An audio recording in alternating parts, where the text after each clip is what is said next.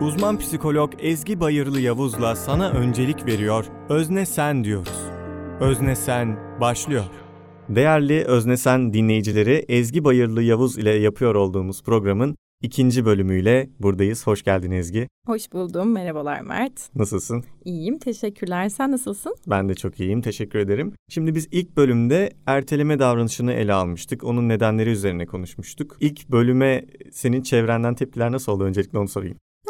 Tepkiler aldım aslında. Hoşuma da gitti açıkçası. Benim de çevremden çok olumlu geri dönüşler oldu. Hani umuyoruz ki ilk bölümü beğenen dinleyiciler diğer bölümleri de beğenirler ve umarım yeni dinleyiciler de kazanmaya devam ederiz. Umarım. Şu ana kadar dinleyenlerin gözü üzerimizde gibi bir his var içimde. Bunu direkt beyanda ettiler. Bekliyoruz diye bakalım. Bu biraz heyecanlandırıyor beni de. Heyecanlı ama güzel bir şey diyebiliriz evet, bence kesinlikle. bunun için. Şimdi bizim aslında bu bölümde de ilk bölümde olduğu gibi farkındalığımızı arttırmamız gerektiğini düşündüğümüz yine çok önemli bir konuyu ele alacağız. Bu bölüm için belirlediğimiz konu flört şiddeti. Evet. Sen istersen yine önceki bölümde olduğu gibi bir girizgah yap. Ondan sonra benim sorularım var zaten. Aralarda ben sana o soruları soracağım. Hı hı, tamamdır. Flört şiddetini konuşmak istedik. Çünkü çok önemli bir konu olduğunu düşünüyorum. Bu konudaki farkındalıkların aslında yaşadığımız ilişkilerde güvende olup olmadığımıza ya da yaşadığımız ilişkilerin gelecekteki ya da şu anki iyilik halimize olan etkilerini fark etmemizde çok faydası olacağını düşünüyorum. Çünkü flört şiddeti hakikaten çok sıklıkla yaşadığımız bir şey ve çoğu zaman da fark etmediğimiz bir şey.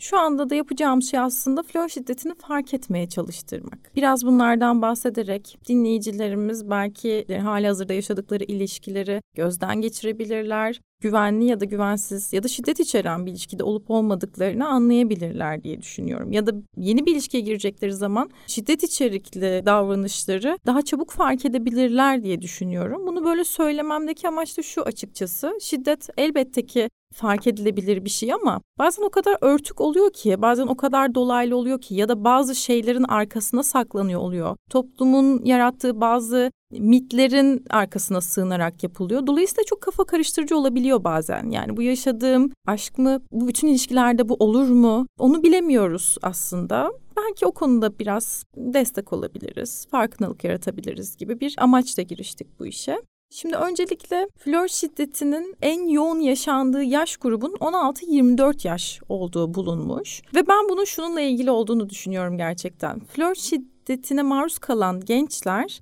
bunu ifade edemiyorlar ya da bu konuda herhangi bir destek almıyorlar. Ailelerle zaten böyle şeyleri konuşmak çok işte ayıp, aman yasak vesaire gibi olduğu için destek alamıyor olabiliyorlar. Ya da paylaştıkları zaman bu konuda eleştirileceklerini, yargılanacaklarını düşündükleri için de aslında bunu paylaşmıyor olabilirler. Dolayısıyla yardım, destek, hiçbir şey alamadıklarını düşünüyorum. Bu yüzden de aslında o yaşlarda biraz daha yoğun yaşanan bir şey. Ama tabii ki bunu engellemek mümkün. Bununla ilgili önleyici çalışmalar yapmak mümkün. Tam burada bir şey sorabilir miyim? Tabii. Şiddet dediğimizde çoğunlukla aklımızda fiziksel şiddet canlanıyor olabilir. Hı hı. Ama bir o kadar da tehlikeli olan psikolojik ve duygusal şiddet. Biz aslında daha çok bundan bahsediyor olacağız değil mi? Çünkü fiziksel şiddeti fark etmek daha kolay. Evet. Psikolojik şiddeti fark etmek daha zor olabiliyor. Psikolojik şiddet ya da duygusal şiddet ne demek? Bunun kısaca tanımlarını senden alabilir miyim acaba şimdi? Tabii ki aslında şöyle başlamayı düşünmüştüm. Önce flört şiddetini tanımlamayı daha sonra da flört şiddetinin çeşitlerini konuşabiliriz. Aslında fiziksel şiddette, sanal şiddette, duygusal şiddette bunların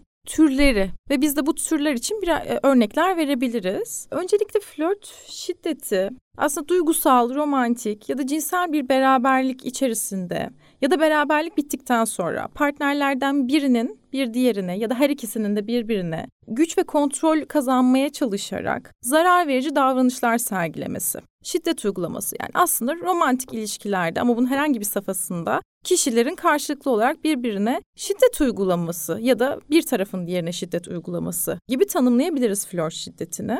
Bunun türleri ise biri toplumsal cinsiyet temelli şiddet, bir diğeri duygusal sözel şiddet, bir diğeri sanal şiddet, bir diğeri ısrarlı takip, stalking dediğimiz Stalk aslında. dediğimiz evet son Evet. zamanların popüler kavramlarından bir tanesi. Aynen öyle. Fiziksel şiddet ve cinsel şiddet. Aslında bunlar türleri. Duygusal şiddet aslında bir partnerin diğer partnerden korkmasına ya da kendine güveninin azalmasına, suçlu hissetmesine neden olan, duygu ve davranışlarını kontrol altına alan söz ve eylemlerin tümünü kapsıyor. Fiziksel şiddeti dediğin gibi çok daha kolay fark edebiliyoruz ama bunu duygusal şiddeti tanımlamak biraz daha zor olabiliyor. Bu yüzden uzun vadede daha zarar verici olabiliyor. Bununla ilgili şöyle bir şey söylemek isterim. Duygusal şiddet ya da psikolojik ya da sözel şiddet hepsi aynı şey anlamına geliyor bu arada. Yine yapılan bazı araştırmalar şunu gösteriyor bize. Fiziksel şiddete uğradığımızda beynimizde aktive olan yerle psikolojik şiddete uğradığımızda beynimizde uyarılan aktive olan yer aynı.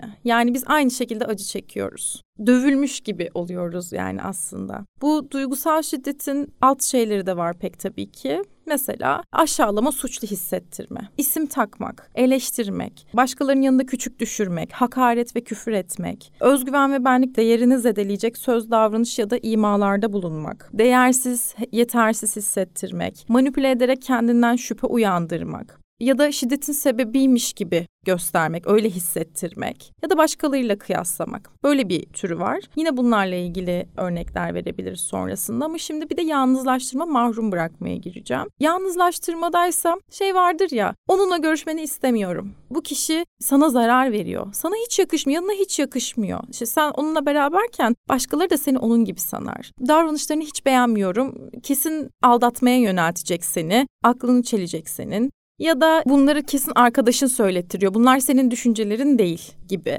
Böyle böyle yalnızlaştırmaya çalışma ya da ailesiyle zaman geçirdiğin ya da arkadaşlarıyla zaman geçirdiğinde sorun çıkarma, kavga etme. Yoksa beni sevmiyor musun? Bu işte buraya benimle gitmek istemez miydin? Neden onunla gidiyorsun?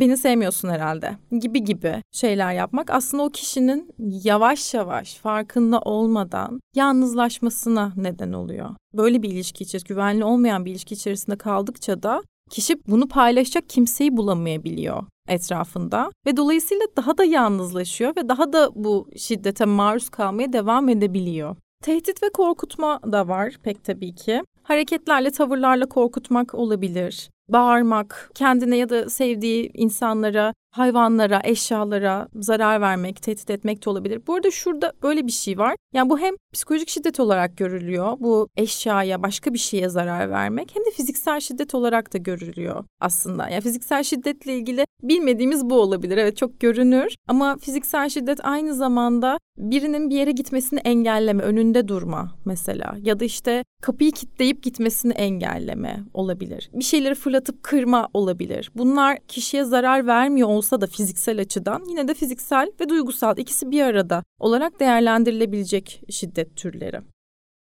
Şimdi benim bu konuyla ilgili araştırma yaparken, programa hazırlanırken önüme çıkan bazı kavramlar oldu. Bunları sana sormak istiyorum. Tabii. Bunlar tabii aslında benim daha çok dijital ya da işte sanal diyebiliriz. Sanal flört şiddeti ile ilgili araştırma yaparken karşıma çıktı ama hı hı. daha sonra anladım ki bunlar aynı zamanda gerçek hayatımızda da yer alabilen kavramlar. Üç tane kavram. Bir tanesi love bombing yani aşk bombardımanı. Bir tanesi ghosting bir de gaslighting. İsimlerini söyleyince hani çok bir şey anlaşılmayabiliyor. Bunları senden evet. açıklamanı isteyeceğim ve bunlar flört şiddetinin tam olarak neresinde, hangi türünde yer almaktalar? Flört şiddeti konusunun daha popüler olmasıyla beraber ortaya çıkan bazı böyle bilmediğimiz yeni terimler oldu hakikaten. Bunlara ekleyeceklerim de var benim. Gaslighting ile başlayabiliriz bence. Gaslighting aslında bir partnerin bir diğerini kendi aklından ya da hafızasından şüphe ettirmesi demek. Bu arada Gaslight diye bir film var. Ondan ortaya çıkan bir terim bu. İsmini bir filmden almış evet, yani. Evet, evet. Ve filmde de bir gaz lambasını yine ilişkideki partnerlerden bir tanesinin yavaş yavaş azaltması ve diğer partnerin azaldığına dair bir şeyler söylemesi üzerine de öyle bir şey olmadığına inandırıyor olması vesaire gibi bir şeyle aslında ortaya çıkmış bir şey gaslighting. Manipülasyon tamamen hı hı. duygusal şiddetin türlerinden bir tanesi.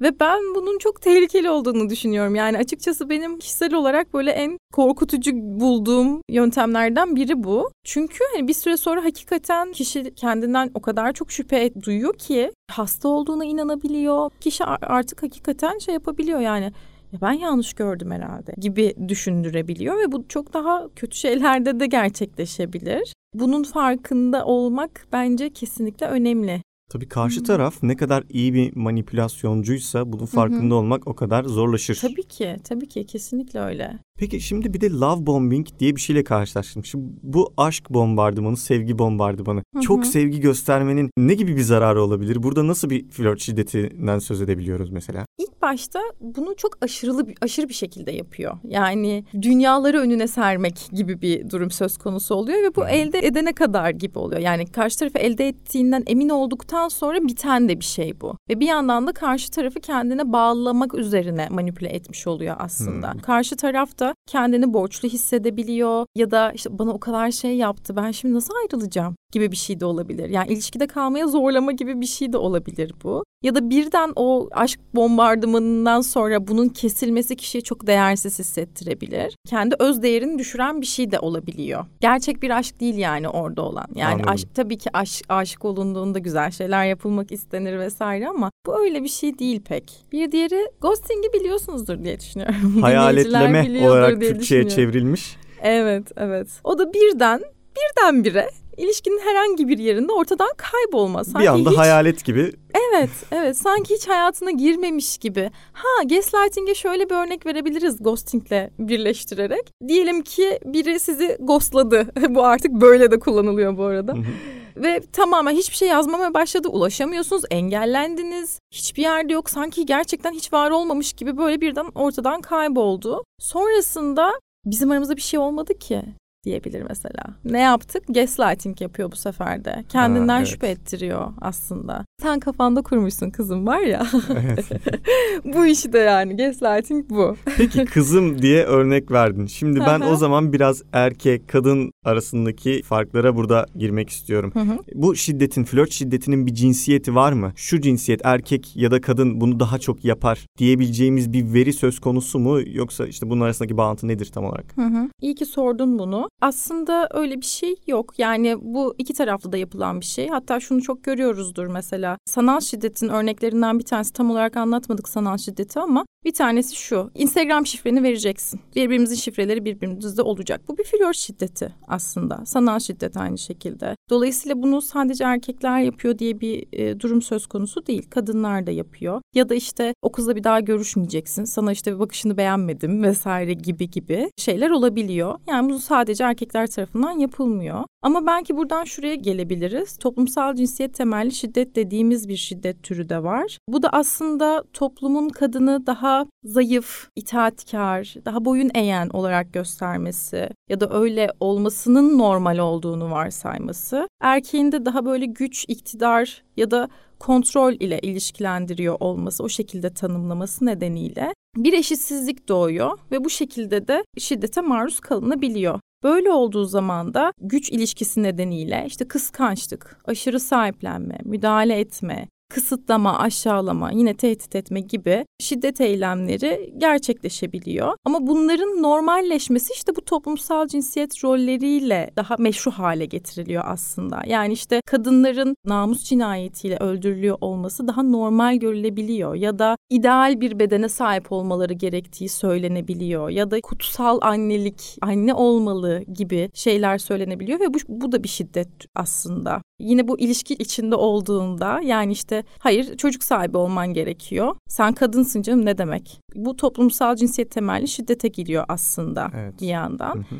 Aynı zamanda da heteronormativite dediğimiz bir şey var. O da ilişkilerin sadece farklı cinsiyetlere sahip olan karşı cinsiyette kurulabilecek bir şey e, olduğunu iddia eder. Ama aslında öyle bir şey yoktur. İlişkiler aynı cinsiyetler arasında da gerçekleşebilir. Kişi cinsiyetsiz de olabilir. Sadece kadın ve erkeğin ilişkisi değildir asıl ilişki olan ya da doğal olan olması gereken. Dolayısıyla da LGBT bireyler daha çok bu konuda ayrımcılığa ya da şiddete maruz kalabiliyorlar. Hatta şöyle bir durumda olabiliyor. Eşcinsellerin bu şiddete daha çok maruz kalmalarının bir sebebi de kendi kimliklerinin açığa çıkarılması, bunun ifşa edilmesi korkusuyla da aslında bunu çok paylaşmıyor olabiliyorlar başkalarıyla. Bu onları daha risk altında olan grup haline getirebiliyor. Tam burada toplumsal cinsiyetten bahsetmişken toplumsal cinsiyet normlarını diyeyim. Besleyen şeylerden bir tanesi de tabii ki de medya Hı hı. diyebiliriz. Özellikle televizyon dizilerinde genellikle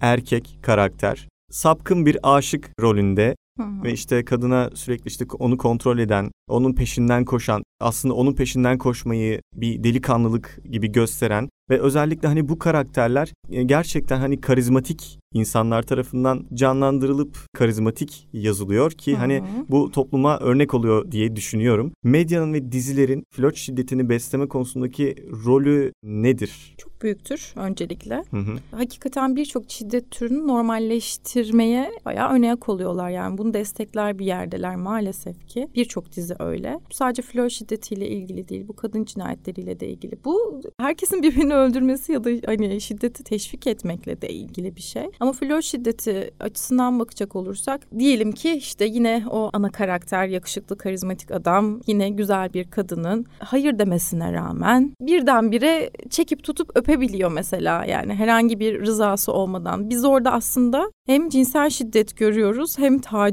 görüyoruz. Taciz, evet. Evet Yani. yani suç olan bir şey görüyoruz aslında. Ama bu o romantik müziklerle işte sonrasında kadının da bunu harika karşılamasıyla belki işte birdenbire aşık olmasıyla çok normal ve belki de yapılması gereken bir şey gibi de görebiliyoruz. Dolayısıyla çok tehlikeli buluyorum. Kesinlikle denetlenilmesi gerektiğini düşünüyorum. Onun dışında toplumsal cinsiyet temelli şiddete de oldukça katkı sağlıyor. Çünkü temsiliyetler o kadar çok şey anlatıyor ki bize. Orada hakikaten bütün toplumsal cinsiyet rollerinin onaylandığını görebiliriz. Genelde erkek sayısı daha fazladır. Kadınlar daha edilgendir, daha işte dedikodu yaparlar, daha telaşlılardır, daha az başarılılardır. Erkekler hep daha güçlüdür, daha mantıklıdır. Kadınlar saçmalar. Bir sürü bir sürü rolün daha abartılı abartılı gösterildiği bir yer haline geliyor aslında. Toplumdan kopuk mu? Hayır değil ama normalleştirmeye katkı sağlıyor mu? Kesinlikle. Kesinlikle çok katkı sağlıyor. Çünkü orada bunları gören bir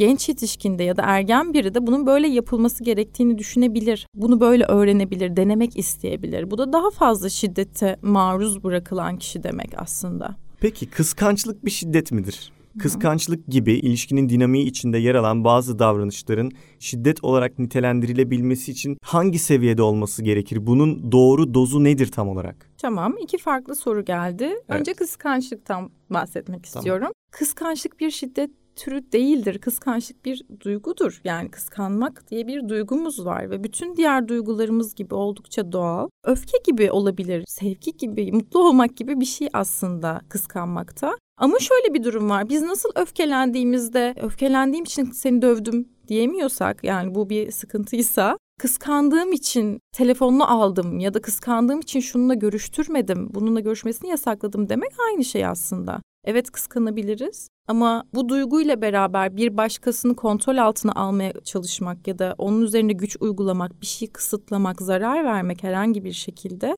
kesinlikle şiddettir. Peki bunun dozu nedir tam olarak? Çok önemli bir soru olduğunu düşünüyorum bunun. Çünkü şöyle bir algımız da var. Sanki şiddet türleri arasında bir hiyerarşi varmış gibi algılıyoruz. Diyelim ki cinsel şiddet, tecavüz. Tecavüz psikolojik şiddetten daha kötüdür. Böyle bir şey yok. Şiddet türleri arasında hiyerarşi kurmak yanlış. Şiddetin dozu diye bir şey yok. Şiddetin kendisi var. Türleri var ve hangi türde olursa olsun hiçbiri diğerinden daha değersiz ya da daha önemsiz değil. Etkileri hakikaten çok benzer. Aynı şekilde yaralıyor. Aynı şekilde işte özgüven düşebiliyor. Kişi kendini değersiz hissedebiliyor. Hayatına devam edemiyor olabiliyor. Bir kişinin yıllarca evinden çıkarılmaması ile dayak yiyor olması arasında çok da bir fark yok aslında. Flört şiddetine çoğu insan maruz kalıyor. Peki şiddet içeren bir ilişki nasıl oluyor da hala devam ediyor ya da kişiler tarafından nasıl oluyor da sürdürülüyor hala? Bunun sebeplerinden bir tanesi şu fark edemiyor da olabiliyoruz. Çünkü flört şiddeti eğer fiziksel değilse dedik ya fark edilmesi daha zor diye. Birdenbire çok yüksek dozda gelen bir şey olmuyor. Yavaş yavaş, yavaş yavaş, yavaş yavaş şiddete çok daha artıyor olabiliyor. Kişi o sırada alışmış olabiliyor buna. Bunu normalleştirmiş olabiliyor kendi kafasında. Meşhur bir hikaye var ya. Kurbağa. Evet kurbağa hikayesi. Sürekli ısınan bir şeyin içinde bulunan kurbağa aslında ne kadar ısındığını anlamıyor ve sonunda yanıyor gibi. Evet, aynen öyle. Ya da özellikle gençler arasında şöyle bir algı da var. Kötü bir ilişkinin olması hiçbir ilişkinin olmamasından iyidir gibi bir algı olabiliyor. Çünkü işte ilişkisi olmayanlar daha e, ezik ya da yalnız hani gibi böyle isimler de takılıyor bakılabiliyor. Hı hı. Öyle görülebiliyor. Bu da bir şiddet değil mi? Evet. Çevresi tarafından bu bir ilişki de gerçekleşen Hı-hı. değil ama çevresi tarafından kişiye uygulanan yine duygusal bir şiddet aslında evet, değil mi? kesinlikle. E, bu arada bunu iyi ki söyledin. Şöyle bir fark da var yani bir ilişki içerisinde herhangi bu şiddet türlerinden herhangi biri uygulanmış olabilir. Ama flört şiddeti diyebilmemiz için yine tekrarlı, düzenli olarak devam ediyor olması gerekir. Ama düzenli olmaması yani ilkinde yapıldığında da bunun şiddet olmadığı anlamına gelmiyor. Elbette ki şiddet ama düzenli olduğunda flört şiddet diyoruz flört ilişkisi yaşıyor olmak aslında gençler için sosyal kabul anlamına da gelebiliyor. İşte daha yüksek özgüven ya da bir kimlik taşıyor aslında. Kimlik anlamı taşıyor. O yüzden olabilir. Ya da işte az önce söylediğim gibi aslında ezik demiştim ama daha evet. net şeyler de var bununla ilgili. İlişki yaşamayan kişiler aslında sözel ve duygusal zorbalığa maruz kalabiliyorlar ve bundan kaçınmak için de e, bir ilişki içerisinde bulunmak isteyebiliyorlar ve bu ilişki kötü bir ilişki olsa da güvensiz bir ilişki olsa da orada kalabiliyorlar. Bu da işte çirkin, sap, kezban, işte abazan gibi gibi aslında Hı-hı. çokça duyduğumuz şeyler bunlar. Yaşadıkları şeyin şiddet olduğunu fark edemedikleri için de olabilir. Hani bu dozundan dolayı değil de şiddet gördüğü bir ailede büyüyen biri bir ilişki içerisinde partnerinden şiddet gördüğünde aslında bunun çok da ayırdına varamıyor herhalde. bir şey olduğunu farkına varmıyor. Evet yani çünkü onun için hani sevgi veren kişiyle şiddet şiddete maruz bırakan kişi aynı olduğu için seven insan kıskanır gibi gel geldi direkt aklıma yani sev, işte sever de döver de ya da hani böyle bir şey olabiliyor. Yani bu yine fiziksel olmak zorunda değil ama kendi evinde eğer buna maruz kalıyorsa ileride de bunu fark edemeyebilir gerçekten. Kıyaslayabileceği bir deneyimi de olmayabilir kişinin.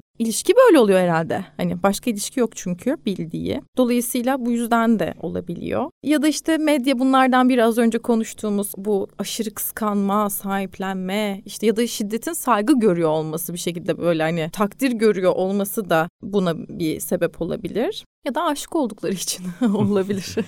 yani ilişki sürsün de ne olursa olsun. Çünkü ben ondan ayrılamam gibi bir düşünce de olabilir. Bir yandan da yardım isteyemedikleri için aslında. Bence bu da önemli. Niçin yardım istemezler diye soracak olursak da yargılanacaklarını, suçlanacakları düşündükleri için mesela böyle olabilir. Ya da maruz bırakıldıkları davranışı kimsenin anlamayacağını, inanmayacağını düşündükleri için olabilir. Çünkü şöyle bir şey de var. Burada önemli bir şey bu bence. Şiddet sadece tek bir kesim tarafından gelen bir şey değil. Yani eğitim seviyesi, refah düzeyi, zenginliği, şu şehirde olması, bu ülkede yaşaması, yurt dışında büyümüş olması hiçbir şey aslında bir kişinin şiddet faili olmasına engel bir şey değil. Bu aslında çok bildiğimiz, çok duyduğumuz yanlışlardan bir tanesi. Ama maalesef çok yüksek mevkilerde olan insanlar, herkesin sevgisini kazanmış işte mahalledeki abi bilmem ne yani hani böyle çok ya da çok sessiz biri işte çok sessiz çok saygılı aslında işte çok da kadınlara karşı da kibar davranıyor ya da erkeklere karşı da işte çok şöyle dediğimiz kişiler de şiddet faili olabiliyorlar, şiddet uygulayabiliyorlar. Dolayısıyla diğer partner şöyle düşünebiliyor. Ben bunu anlatırsam bana kimse inanmaz.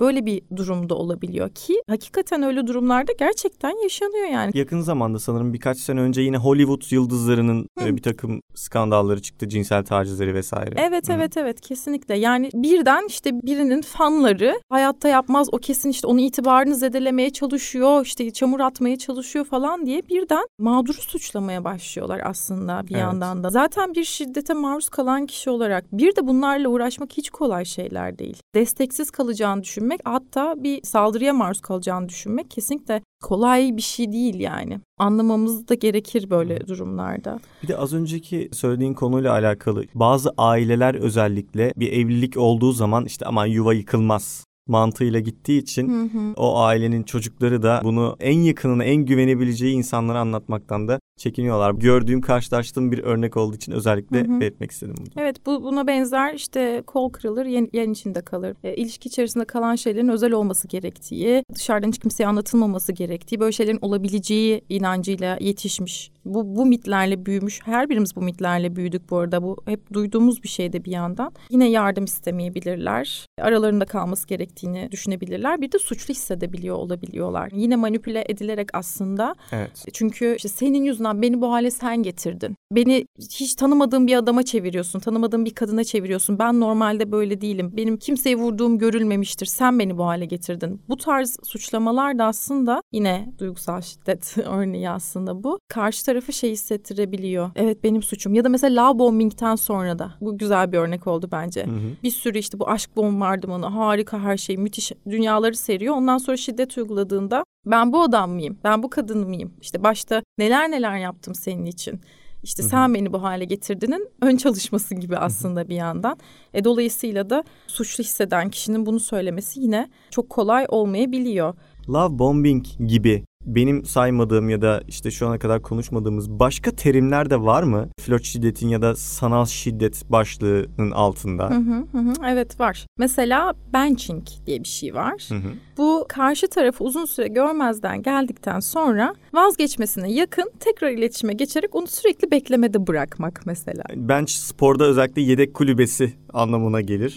Bilmiyordum. Oradan gelmiş bir Evet terim galiba. olabilir. Hı hı. evet olabilir. ya da breadcrumbing diye bir şey var. Bunların Türkçeleri yok maalesef henüz. Evet bu tarz şeylerin henüz Türkçeleri yok. Yavaş yavaş oluyor evet. O da aslında gerçekten ilişkilenme amacı gütmüyor. Yani böyle bir amacı yok ama karşı tarafa sürekli olarak flörtöz ve ilgiliymiş gibi mesajlar atıyor mesela. Bu da aynı şekilde.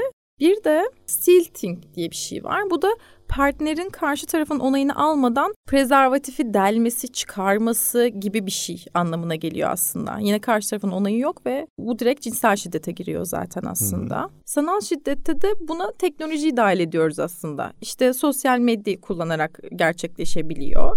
Ama mesela bunları örnek olarak sık sık aramak, mesaj göndermek, konum istemek. Bu aralar canlı konum mesela öyle bir durum da var. Yine tehdit etmek, şantaj yapmak bazen fotoğraflarla beraber. İstenmeyen bilgi ve fotoğraflarını yayınlamak ya da işte paylaşımların altına, fotoğrafların al- altına hakaretler yazmak, aşağılama içeren sözler söylemek. Sosyal medya hesaplarının şifrelerini istemek bir sanal şiddet örneği. Telefonunu izinli izinsiz kullanmak, karıştırmak, kurcalamak, cinsel içerikli mesaj göndermek istemediği halde karşı tarafın onayı olmadan, talebi olmadan. Bir de karşı tarafı yine cinsel içerikli fotoğraf paylaşmaya zorlamak diyebiliriz.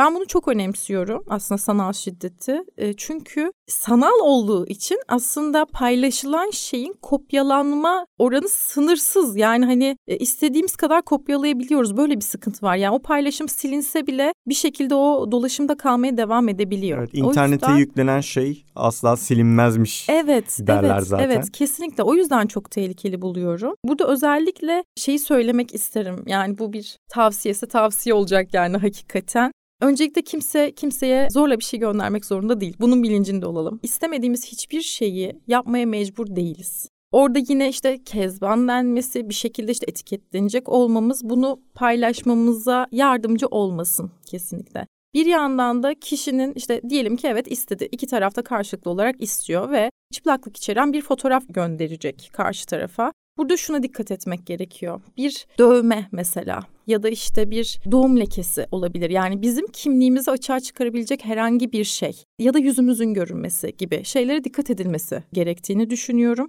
Çünkü vazgeçebiliriz ya sonradan. Bir kere onay verdiğimiz şey her zaman onay verdiğimiz anlamına gelmiyor. Karar değiştirebiliriz, fikrimizi değiştirebiliriz ama onu internete koyduktan sonra onu kontrol edemiyoruz. İnternet ortamında olduktan sonra. Dolayısıyla bize daha olumsuz şekillerde geri dönebiliyor. Ya da kimliğini belli eden bir takım işaretler daha sonra şantaj amaçlı vesaire de kullanılabilir. Evet, evet. Aynen öyle. Onayımız alınmadan bir şeyler olabilir ve daha Evet. çok zarara yol açabilir.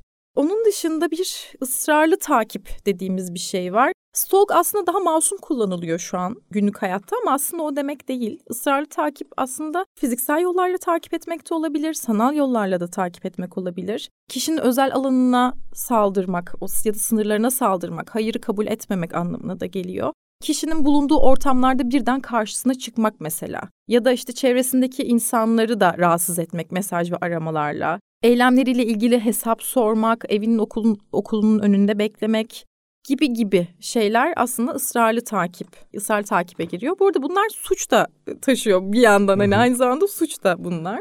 Cinsel şiddette kişiyi bir cinsel davranışa zorlamak aslında. Hayırı yine kabul etmeden Ve evet cevabını almak için bazen onay inşası dediğimiz bir şey oluyor. Ben bunun da çok değerli olduğunu düşünüyorum. Çünkü birinin onayını inşa ettikten sonra aldığınız onay onay değildir kesinlikle.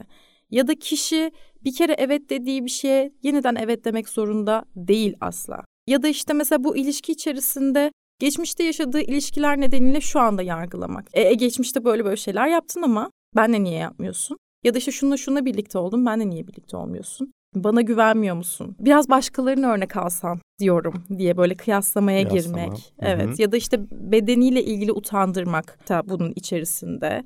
Ya da tehdit etmek aslında. Öyleyse ben yokum gibi yokluğuyla e, bir şekilde tehdit ediyor olmak. Bunların her biri de yine cinsel şiddetin aslında alt başlığına giriyor ve örneklerinden biri. Onay için şeyi söylemek istiyoruz. Peki ne onay? Yani on, ne zaman mesela şöyle bir durum var. Bir kişi sessiz kaldıysa bu kişinin onay verdiği anlamına gelmez.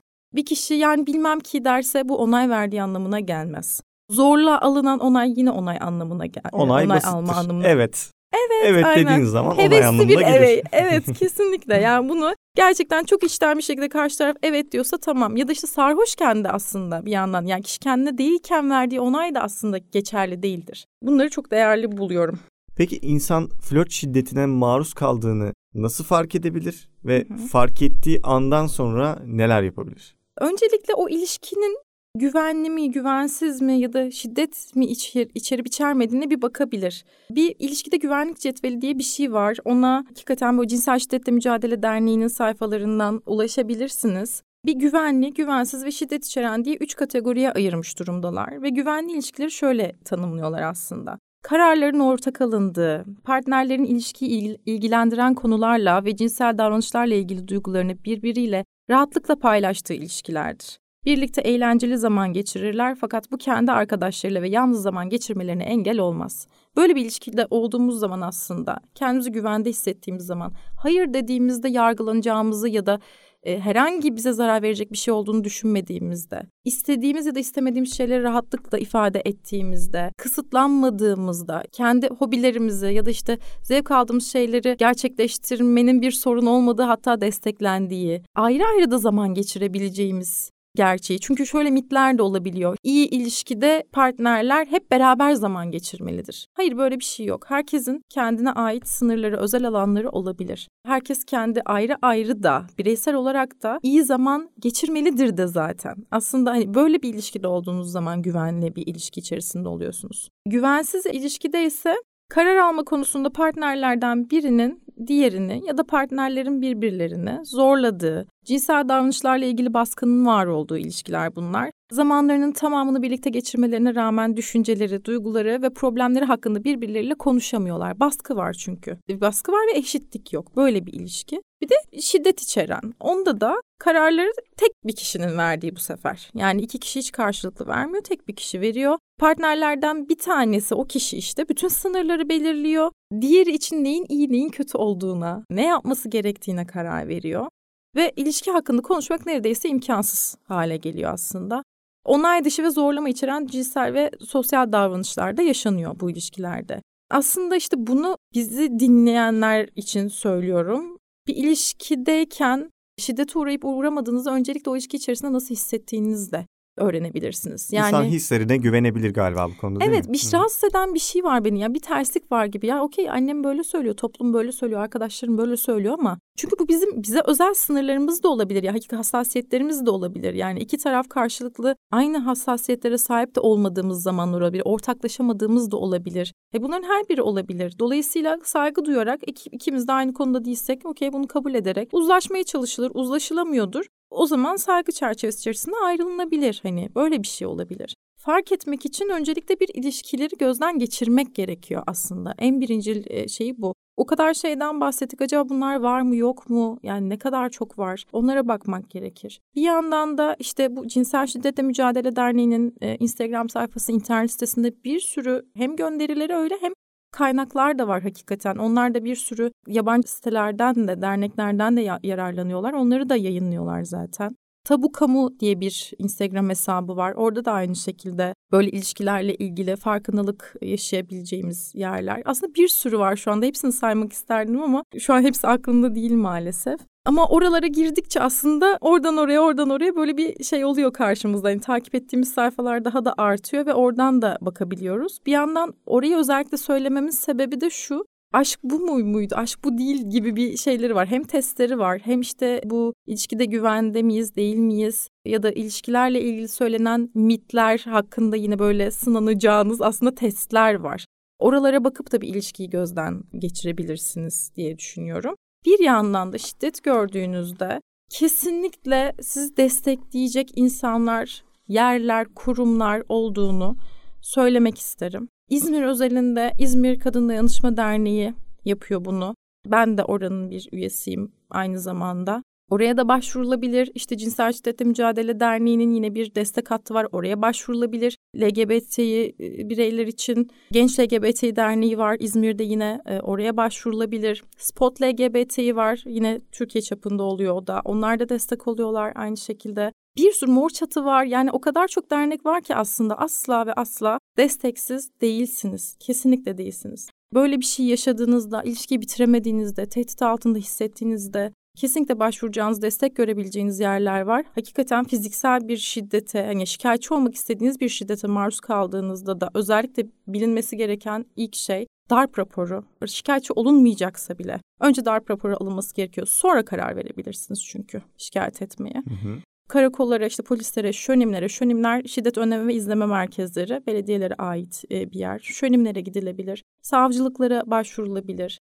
Öncelikle ilk yapılması gerekenler de bunlar var aslında. İlk önce rapor ve sonrasında bunlar. Bunu bilmek Hı-hı. çok önemli çünkü birisi şiddete uğradığında bunu ailesine bile anlatamıyorsa e, yine de destek alabileceği, yardım alabileceği bir yerlerin olduğunu bilmek bence kişi için çok önemli diye düşünüyorum. Özellikle hani bu kurumların, kuruluşların ya da derneklerin, vakıfların her neyse gizliliğe de önem verdiğini e, açıklamakta bence söylemekte fayda kesinlikle. var. Kesinlikle. kesinlikle. Oraya başvurduğunuzda kesinlikle ve kesinlikle yargılanmayacağınızın, destek göreceğinizin, yapılabilecek şey her neyse. Çünkü tamamen hayatınızı mükemmel hale getiriyorlar. Her şeye e, kudretleri var gibi şeyler değil bu dernekler. E, her birinin yapabildiği başka şeyler var ve birbirleri arasında da yönlendirme yapabiliyorlar. Herkes yapabildiğini yapar orada ve kesinlikle full bir gizlilik var. Genelde de hatta böyle daha hassas konularla çalışan dernekler kendi yerlerini ifşa etmezler. Daha gizli yerlerde olurlar telefon hattıyla iletişim kurarsınız ve sonrasında belki hani ulaşabilirsiniz gibi. Yani Hı-hı. kesinlikle güvenlidir. Teşekkür ederiz Ezgi. Şimdi bu program, bu bölüm biraz uzun olmuş olabilir. Çünkü hem çok önemli bir konu hem de bahsetmediğimiz bir şey kalmasın diye açıkçası. Ki kaldı ee, bence bir sürü kaldı ama ona olsun. rağmen evet. olsun. o yüzden bu bölüm öncekinden biraz daha uzun olmuş olabilir ama hiç önemli değil. Çok verimli ve çok dolu bir bölüm oldu. Ağzına sağlık. Çok teşekkür ederiz verdiğin her türlü bilgi için. Ay rica ederim ne demek. Çok keyifli oldu benim için de bu program. Son olarak demek isterim ki dayanışma yaşatır. İlk bölümü ben e, bir özlü sözle bitirmiştim. Evet. Bu bölümü de sen. Sıra bendeydi. İkinci bölümün de sonuna geldik. Dinleyen herkese dinledikleri için çok teşekkür ederiz. Sonraki bölümleri de takipte kalmak için bizi Spotify'dan takip etmeyi unutmayın. Görüşmek üzere. Görüşmek üzere.